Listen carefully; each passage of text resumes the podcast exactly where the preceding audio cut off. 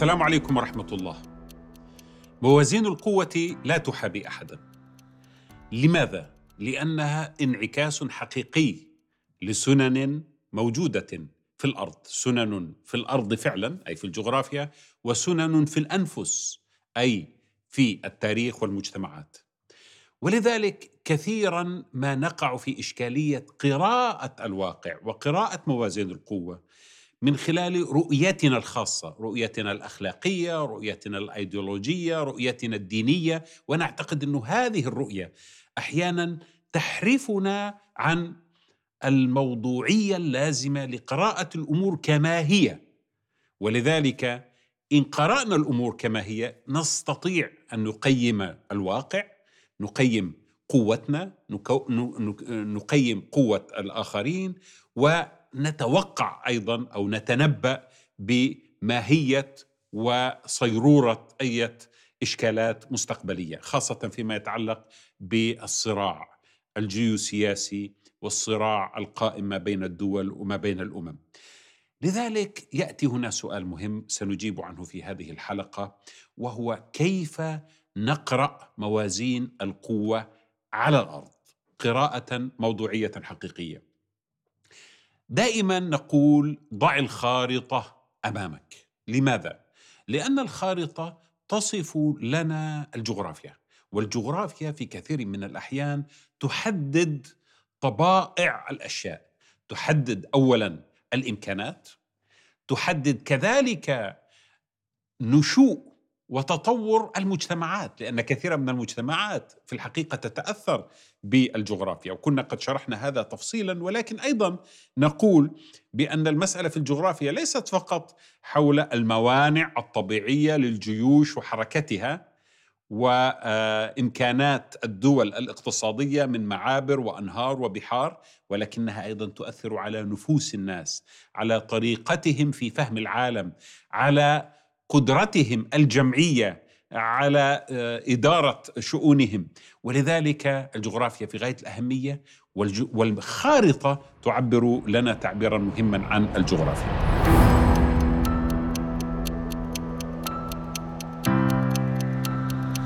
ما الذي نريد أن نبحث عنه في الخارطة؟ نبحث في الخارطة عن شيئين رئيسين.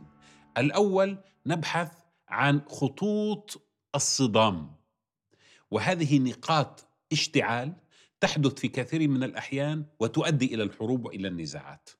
وتتع... ويتم التعامل معها كمحركات للمنظومة المنظومة الجيوسياسية التي تصنع موازين القوة. لأن موازين القوة هذه لا تأتي هكذا إنما هي صيرورة. موازين القوة تهبط وتصعد. موازين قوة تتغير. لذلك قراءتنا يجب أن تكون قراءة متغيرة. لا تستطيع أن تقرأ موازين القوة وتقول أنا قرأتها وانتهى. 20 30 سنة هيك الدنيا ماشية. لا موازين القوة تتغير. لذلك نقاط الاشتعال هذه ضرورة. ينبغي أن نحافظ على قراءتها دائما وهي انعكاس لموازين القوة الدولية ومولد كذلك لموازين قوة جديدة. مثلا على سبيل المثال نقاط الصراع الموجودة بين كوريا الشمالية وكوريا الجنوبية. هذا الخط خط الصدام هو خط أيضا مرتبط بالنظام الدولي وموازين القوى الدولية وما بعد والحرب الباردة وما بعد الحرب الباردة. آه، نقاط الصدام الموجودة ما بين الهند وباكستان في كشمير. هذه نقطة اشتعال آه، مستمرة وموجودة وتؤثر تأثيرا كبيرا على آه، موازين القوة. لذلك قراءتها دائما مهمة. إذا هناك نقاط كثيرة في العالم. تسمى بنقاط اشتعال وكثير من هذه النقاط يحتاج منا إلى مراقبة شديدة من أجل أن نصل إلى فهم وتنبؤ للمستقبل، لكن هناك شيء آخر في الخارطة وهذا شيء أيضا في غاية التعقيد وهو مناطق الانتقال الحضاري. هناك في الخارطة وفي العالم مناطق انتقال حضاري. ومناطق الانتقال هذه على خلاف نقاط الاشتعال أو نقاط الصدام أطول امدا. صراع مستمر ربما يعبر إلى أجيال وإلى قرون من الزمن. نقاط الاشتعال ربما تحسم في غضون عقود عندما يتغير النظام الدولي يتم آه، تغير آه، مهم في نظام الاشتعال هذه. أما في المناطق لا. مثلا نضرب مثال على سبيل المثال منطقة بلقان. هذه منطقة انتقال حضاري قديم. ما بين ثلاث حضارات رئيسية. الحضارة الأولى هي الحضارة السلافية الأرثوذكسية. ثم الحضارة حضارة آه، أوروبا الكاثوليكية. ثم طبعا الحضارة الإسلامية. تلتقي في البلقان. ولذلك عبر الأزمنة تجد أن البلقان هي المنطقة التي تشتعل كلما طرأ آه، آه، اختلال في المنظومة الدولية واختلال في موازين القوة. تحاول كل حضارة من هذه الحضارات المتمثلة طبعا في دول تحاول أن تتقدم لتملأ الفراغ الذي يخلفه تراجع موازين القوة للحضارات أو للدول الأخرى. ولذلك البلقان نقطة هي منطقة اشتعال وليست فقط نقطة اشتعال ومرتبطة بهذا التنوع الهائل الحضاري. وفي الحقيقة هذه المناطق مناطق الاشتعال لا تحسم لا تحسم ربما لا تحسم عبر قرون. لماذا؟ لأنك إن أردت أن تحسمها يعني أنك ينبغي عليك أن ترتكب genocide مذبحة. وهذا الذي حدث عندما أراد الصرب أن يجتثوا المسلمين من البوسنة على سبيل المثال. لماذا؟ هؤلاء موجودين. هذه شعوب أصلية موجودة. حتى تستطيع أن تحسم هذا الصراع تحتاج إلى genocide. أما فيما يتعلق في نقاط الاشتعال لا. لا تحتاج إلى إلى أن تقوم بجينوسايد لأنه في الغالب هذه النقاط تحسم من خلال عمليات عسكرية إذا كانت موازين القوة تسمح لهذه العمليات بحسم نقاط الاشتعال هذه. ومن هنا سوف نضرب مثالا على نقاط الاشتعال باوكرانيا وننظر إلى الخارطة لقراءة أوكرانيا قراءة جيوسياسية ومحاولة تفسير الصراع بينها وبين روسيا من ناحية والموقف الغربي منها من ناحية أخرى.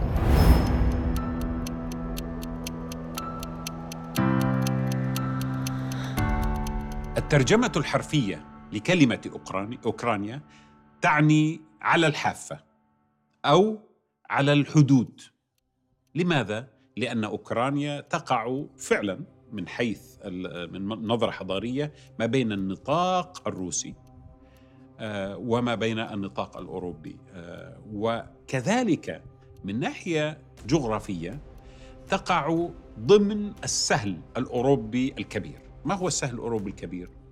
أوروبا عادة في حركة الجيوش من خلالها في أراضيها كانت الجيوش التي تغزو روسيا تغزوها من الجانب البولندي ثم من بعد ذلك إلى أوكرانيا لأن هناك سهول إنما في غربي أوكرانيا. هناك سلسلة من الجبال اللي هي جبال Carpathian Mountains جبال كارباثية وهذه الجبال تعتبر كمصدات للجيوش. فعملية الاقتحام ينبغي أن تأتي من فتحة تعتبر سهول. حركة الجيوش فيها سهلة. غزيت روسيا ثلاث مرات. مرة من قبل جيوش آه، سويدية مرة غزيت أيضا من قبل نابليون بونابرت وكذلك من قبل هتلر دائما من هذه المنطقة. هذه المنطقة تعتبر نقطة آه، ضعف كبيرة جيوسياسية بالنسبة لروسيا. وهذا بالنسبة لروسيا يهدد أمنها القومي يهدد وجودها لأنها تعتقد أنه إن لم تغلق هذه المنطقة وتكن هذه المنطقة تحت سيطرتها فهي مفتوحة دائما لعملية الاقتحام من قبل أوروبا. هذا تاريخيا. على الواقع أوكرانيا كانت دائما جزءا من كيانات أخرى بمعنى أنها في القرن السابع عشر والثامن عشر كانت تنقسم إلى ثلاثة أجزاء جزء روسي تحت السيطرة الروسية وجزء تحت السيطرة العثمانية وجزء ثالث تحت السيطرة البولندية. في القرن التاسع عشر انقسمت إلى جزئين جزء تحت السيطرة الروسية وجزء تحت السيطرة العثمانية. ثم بعد ذلك جاء الاتحاد السوفيتي وأصبحت جزءا من الاتحاد السوفيتي ثم في عام 1991 استقلت وأصبحت جمهورية قائمة بذاتها.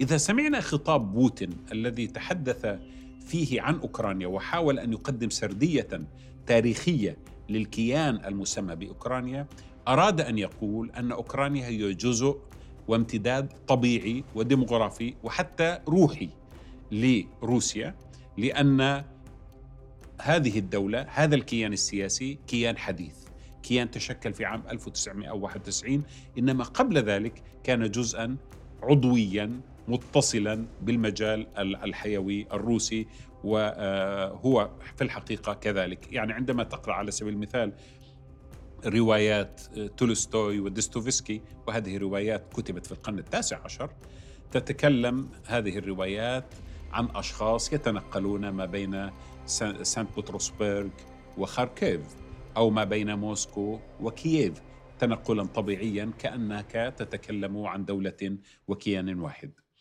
الشيء المهم جدا هنا أنه منذ عام 1991 حاول الغرب أن يستفيد من أوكرانيا بأن يشاغل روسيا أو أن يخلق منطقة عازلة مع روسيا. فبالنسبة له أوكرانيا وكذلك جورجيا أصبحتا المكان الذي يشاغلون فيه الروس آه، روسيا محاولين أن يمنعوا روسيا من العودة إلى القوة الإمبراطورية السابقة المتمثلة فيما قبل الاتحاد السوفيتي أو القوة السوفيتية التي كانت أوكرانيا وجورجيا وكذلك كثير من دول أوروبا الشرقية جزءا منها. ومن هنا برأيي أن الغرب دائما كان ينظر إلى الخارطة ويقول أوكرانيا هذه ينبغي أن تبقى معلقة بوهم الانضمام إلى الاتحاد الأوروبي وإلى الناتو. من دون فعلا أن يتم ذلك الانضمام حتى تبقى روسيا في حالة تحفز بينما نضم بقية الجمهوريات السوفيتية السابقة وتصبح جزءا من الناتو. ولذلك لم تسارع الدول الغربية إلى ضم أوكرانيا لأنها تعرف حساسية هذا الموقف بالنسبة لها وإن كانت تستخدم دائما كشماعة لكي تخيف فيه روسيا وتحاول أيضا أن تجتذب فيه النخبة الأوكرانية باتجاهها. هناك مشكلة أحيانا لدى النخب. بعض النخب لا تفهم العناصر الجيوسياسية الحقيقية للدولة التي يعيشون بها ويتعلقون بشعارات. هذا إحنا عشناه في العالم العربي. كان لدينا نخب تعلمت في الغرب ثم عادت بمجموعة من المفاهيم حاولت أن تزرعها خلافا للوعي الجمعي وفشلت في ذلك وأفشلت كذلك نمو دولنا وجعلت منها كيانات آه، حقيقة لا هوية لها وفي كثير من الأحيان فاشلة. فيما يتعلق بجورجيا وأوكرانيا النخب التي حكمت بعد الاتحاد السوفيتي كان تأثير الغرب عليها كبيرا. الرؤية الليبرالية للأمور معظمهم جاءوا بالمناسبة تعلموا في دول غربية وجاءوا إلى هذه الدول لم يفهموا أن الجيوبوليتكس في هذه الدول يحتم عليها أن تبقى على الأقل على الحياد إن لم يكن قريبة من المجال الروسي. وأرادوا أن يصنعوا حالة من التغريب ومن القرب آه، آه، للولايات المتحدة الأمريكية ولحلفائه الغربيين ثقافيا واجتماعيا واقتصاديا والأخطر من ذلك سياسيا وجيوسياسيا. هنا استفزت روسيا. روسيا كانت ضعيفة. أنتم تذكروا روسيا أيام يلتسن الذي في خلال سنوات حكمه أصبحت روسيا في الحقيقة دولة هزيلة ضعيفة بيعت قطعة قطعة وبيعت منشآتها وأسلحتها وكثير من ممتلكاتها مما أشعر الناس بالإهانة. لما جاء بوتين حاول أن يستعيد عافية الدولة ولكن أيضا بالسنوات الأولى كان يعرف أن الدولة ضعيفة. في تلك الأثناء كانت جورجيا تحاول الاقتراب من الغرب. طبعا كان في ذلك الوقت كان في عندنا ساكاشفيلي الرئيس آه، ميخائيل شاكاشفيلي الذي كان قد تخرج من جامعة جورج واشنطن عاد إلى إلى جورجيا وبدأ يتقرب إلى الغرب ووقع اتفاقية تعاون استراتيجي مشترك مع الولايات المتحدة الأمريكية ثم بدأ يحاول تأسيس نطاق جديد لجمهوريات كانت جزءا من الفضاء الروسي واليوم تقف كمحاولة لصد روسيا عن الاتجاه نحو الغرب من بينها جورجيا وكذلك أوكرانيا وملدوفا وأذربيجان. هذه الاتفاقية الرباعية التي تمت بمباركة أمريكية وبدعم من أمريكي في عام 2005 أثارت حفيظة روسيا التي بدأت تنظر إلى هذا الواقع مصحوبا بضم الناتو لعدد كبير من الدول على حدود آه، أوكرانيا أصبحت تنظر إلى ذلك كتهديد وجودي. هنا انتبه. إذا نظرت اي دولة إلى شيء ما كتهديد وجودي فإنها تضعها في قمة أولوياتها. هذا يعتبر بالنسبة للدول مسألة حياة أو موت. وعندما تعتبر الدولة قضية ما مسألة حياة أو موت لن تنظر إلى اي أولويات أخرى كالاقتصاد كالخسائر البشرية كالخسائر المتعلقة بالسمعة المتعلقة بالإعلام كل ذلك يأتي في مرحلة لاحقة للتهديد الوجودي الذي تحاول الدول فيه أن تصد امرا تظن أنه سوف يضعفها ينهكها ينهي وجودها أو يقتلع شوكتها. ولذلك روسيا من عام 2005 و2004 بدأت تفكر بأنه لابد لها من استعادة عافيتها في مجالها الحيوي. لم يفهم ساكاشفيلي سياسة آه، استراتيجية حقيقية لأنه كان بالمناسبة كان متكلم لبق للغة الإنجليزية وكان يبهر المستمعين الغربيين بظهوره الكثير على السي إن إن وأحاديثه الرائعة عن الديمقراطية والحرية والتخلص من تراث السوفيتي آه، والدكتاتورية التي لاحقت ذلك. لكن هو لم يفهم أنه يلعب في الملعب الخطأ وأنه يستخدم الأدوات التي سوف تؤدي إلى زواله في الحقيقة. روسيا في عام 2008 اقتحمت في 8 8 2008 شمال جورجيا وسيطرت على أبخازيا وعلى جنوب أوسيتيا. هاتان قطعة كانتا ذات أغلبية روسية وطبعا كانت هذه الذريعة المناسبة لدخول روسيا. وقفت الدبابات على مقربة كيلومترات بسيطة من تبليسي عاصمة جورجيا. ولم ينقذ ساكاشفيلي في ذلك اليوم إلا ساركوزي الذي ذهب إلى الكرملين وطلب من آه، من بوتين أن أن يعفو عن ساكاشفيلي مقابل التزام ساكاشفيلي بقواعد اللعبة بشكل جديد. طبعا بعد ذلك هزم في الانتخابات وخرج في عام 2013 وذهب لاجئا إلى أوكرانيا وبدأ يعمل في أوكرانيا أيضا نفس اللعبة. وأدى ذلك في عام 2018 أن طرد من أوكرانيا عندما قاد مظاهرات في أوكرانيا ضد الحكومة الأوكرانية مطالبا برؤية ليبرالية غربية للأمور أي أنه لم يتعلم الدرس. إذا محاولات الغرب على وضع حدود ومناطق عازلة أمام روسيا مستمرة. وفي الحقيقة هناك مبادرة جديرة بالاهتمام تسمى بمبادرة البحار الثلاثة البحر الأدرياتيكي بحر البلطيق والبحر الأسود. الدول الواقعه بين هذه في هذا المثلث تضم 12 آه، دولة. هذه الدول كانت جزءا من الفضاء السوفيتي السابق. الولايات المتحدة الأمريكية دعمت مبادرة تسمى بمبادرة البحار الثلاثة من أجل تأسيس بنى تحتية اقتصادية خاصة فيما يتعلق بالطاقة والإتصالات. تربط هذه الكتلة بأوروبا الغربية لأن المفكرين الاستراتيجيين وجدوا أنه بعد انهيار الاتحاد السوفيتي لا تزال دول أوروبا الشرقية متصلة بروسيا ومعتمدة عليها في كثير من المناحي مثل الطاقة وخلافه. ولذلك أرادوا أن يؤسسوا هذه المبادرة ورأوا أن هذه المبادرة ستخلق واقعا جيوسياسيا جديدا يعزل روسيا ويضع أمامها ما يشبه الستارة الحديدية العازلة للنفوذ الروسي نحو أوروبا الغربية. هنا نعود مرة ثانية إلى أوكرانيا. أوكرانيا في الحقيقة هي امتداد ثقافي وحضاري لروسيا وهي جزء لا يتجزأ من الوعي التراكمي للأمة الروسية وللشعب السلافي. أولا من ناحية إثنية ليست هناك فوارق. من ناحية لغوية عدد كبير من سكان أوكرانيا يتكلمون اللغة الروسية لا سيما في الشرق لأن أوكرانيا أوكرانيا في الحقيقة ثقافيا مقسمة إلى ثلاثة أقسام. الشرق في غالبه يتكلم اللغة الروسية الغرب في غالبه يتكلم اللغة الأوكرانية والوسط مقسم بين هذا وذاك. إذا نظرنا إلى الخارطة نجد أن التقسيم الموجود هو في الحقيقة ليس عرقي بمعنى أنه هم شعوب سلافية لكن يتفقون الروس وال وال وال وال والأوكرانيين لكن لغويا وثقافيا هذا الذي يحدث في أوكرانيا.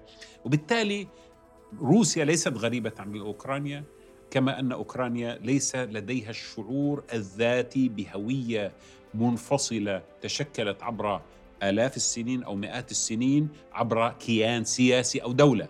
هناك فرق بين الهوية الثقافية وهناك فرق بين أن تتحول الهوية الثقافية إلى كيان سياسي متماسك وقوي.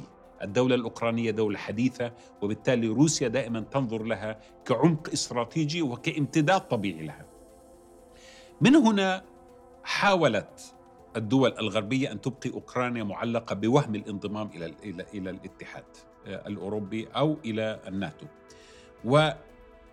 وللأسف لم تستطع القيادة الأوكرانية التي جاءت بعد عام 2014 اللي هي اللحظة الفاصلة التي حدثت فيها الثورة الشعبية في الميدان في كييف ضد النظام الذي كان يوالي موسكو وحاولت أن تأتي بثقافة غربية وانتماء غربي وارتماء في أحضان أوروبا. هذه اللحظة عام 2014 أشعلت مرة ثانية. كل الخطوط الحمر في الذهن الاستراتيجي الروسي. وبدأت تشعر روسيا أن أوكرانيا تخرج عن سيطرتها. ومن هنا بدأت تفكر في كيفية إخضاع أوكرانيا لمجالها الحيوي ولنطاقها الاستراتيجي. فبدأت في منطقة شرقي الشرق مرة ثانية. الأقليات تلعب دور كبير جدا. الأقلية الروسية الناطقة بالروسية في شرقي أوكرانيا وهم أوكران طبعا هم يحملون الجنسية الأوكرانية. هؤلاء كانوا هم المدخل الحقيقي لبوتين إلى شرقي أوكرانيا. ثم بعد ذلك جاءت اتفاقيات مينسك التي أسست لفكرة خصوصية هذه المنطقة وحكم ذاتي خاص بها منعا لأوكرانيا المركزية مركز آه، في كييف من أن تهاجمها ثم تحولت بعد ذلك كما رأينا إلى حجة للغزو ولدخول آه، روسيا إلى داخل أوكرانيا. اذا الخارطة تنبئنا بالكثير. لو أن أوكرانيا على سبيل المثال كانت محاطة بالجبال من كل ناحية لتغير وضعها الجيوسياسي ولا أصبحت بشكل تام ملحقة بروسيا منذ القدم وانتهى هذا الموضوع. لكن حالة الانفتاح هذه الجغرافية على بولندا ثم من بولندا على أوروبا يمكن هو الذي جعل من أوكرانيا حالة انتقال. لأن أوكرانيا في بعض الأحيان غربها يطمح أن يكون غربيا أي مع الغرب وشرقها آه، جزء لا يتجزأ من آه، آه، روسيا. وبالتالي تبقى هي منطقة صراع ومنطقة توتر.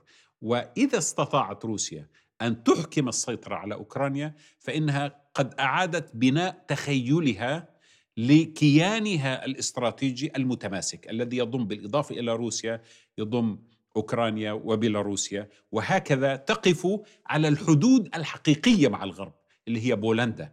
والتي كانت في كثير من الأحيان نقاط صدام طبعا عبر الحروب السابقة. ولكن هنا تستطيع روسيا أن تنظر إلى نفسها مرة ثانية وتقول أنا دولة واحدة متماسكة قادرة على حماية نفسي من أي غزو خارجي. ثم تطالب بأن ترتقي بموازين قوتها وأن ترتقي بدورها بما يوائم موازين قوتها باتجاه الجلوس وجها إلى وجه وراسا مقابل رأس مع الولايات المتحدة الأمريكية ومع الصين ومع الأقطاب الدولية. من هنا أقول مرة أخرى بأن أوكرانيا استخدمت استخدمت من قبل الغرب الذي تخلى عنها في لحظة الشدة ولذلك عندما ننظر إلى تصريحات الرئيس الأوكراني آه، سيلينسكي آه، فلاديمير زيلينسكي الذي بدأ يتكلم عن أنه اتصل بقادة أوروبا جميعا وقال لهم هل ستضمون إلى الناتو أم لا؟ قال كلهم جبنوا ولم يردوا علي بأي رد إيجابي طبعا هذا شيء طبيعي لأن موازين القوة ليست مبنية على العلاقات الإنسانية ليست مبنية على الوعود في الغرف المغلقة ليست مبنية على معايير إنسانية أو معايير أخلاقية هي مبنية على موازين قوة صلبة أحيانا متوحشة أحيانا جافة لدرجة ليس فيها من الأخلاق شيء وليس فيها من الوفاء بالوعد شيء. الأرض هي التي تحدد الجغرافيا والتاريخ والمصالح والموازين هي التي تحدد تصرفات القادة في النظم الناضجة. صحيح أن خطابهم دائما أمام الكاميرات ذو طبيعة أخلاقية. صحيح أنك ستتباكى على الضحايا من البشر. صحيح أنك سوف تتحدث عن قيم الحرية والديمقراطية وتقرير المصير. لكن عندما يأتي الأمر إلى الفعل وليس إلى القول ستنظر إلى الخارطة وستقرر ما الذي ينبغي فعله وما الذي ينبغي ألا يفعل. السلام عليكم ورحمة الله.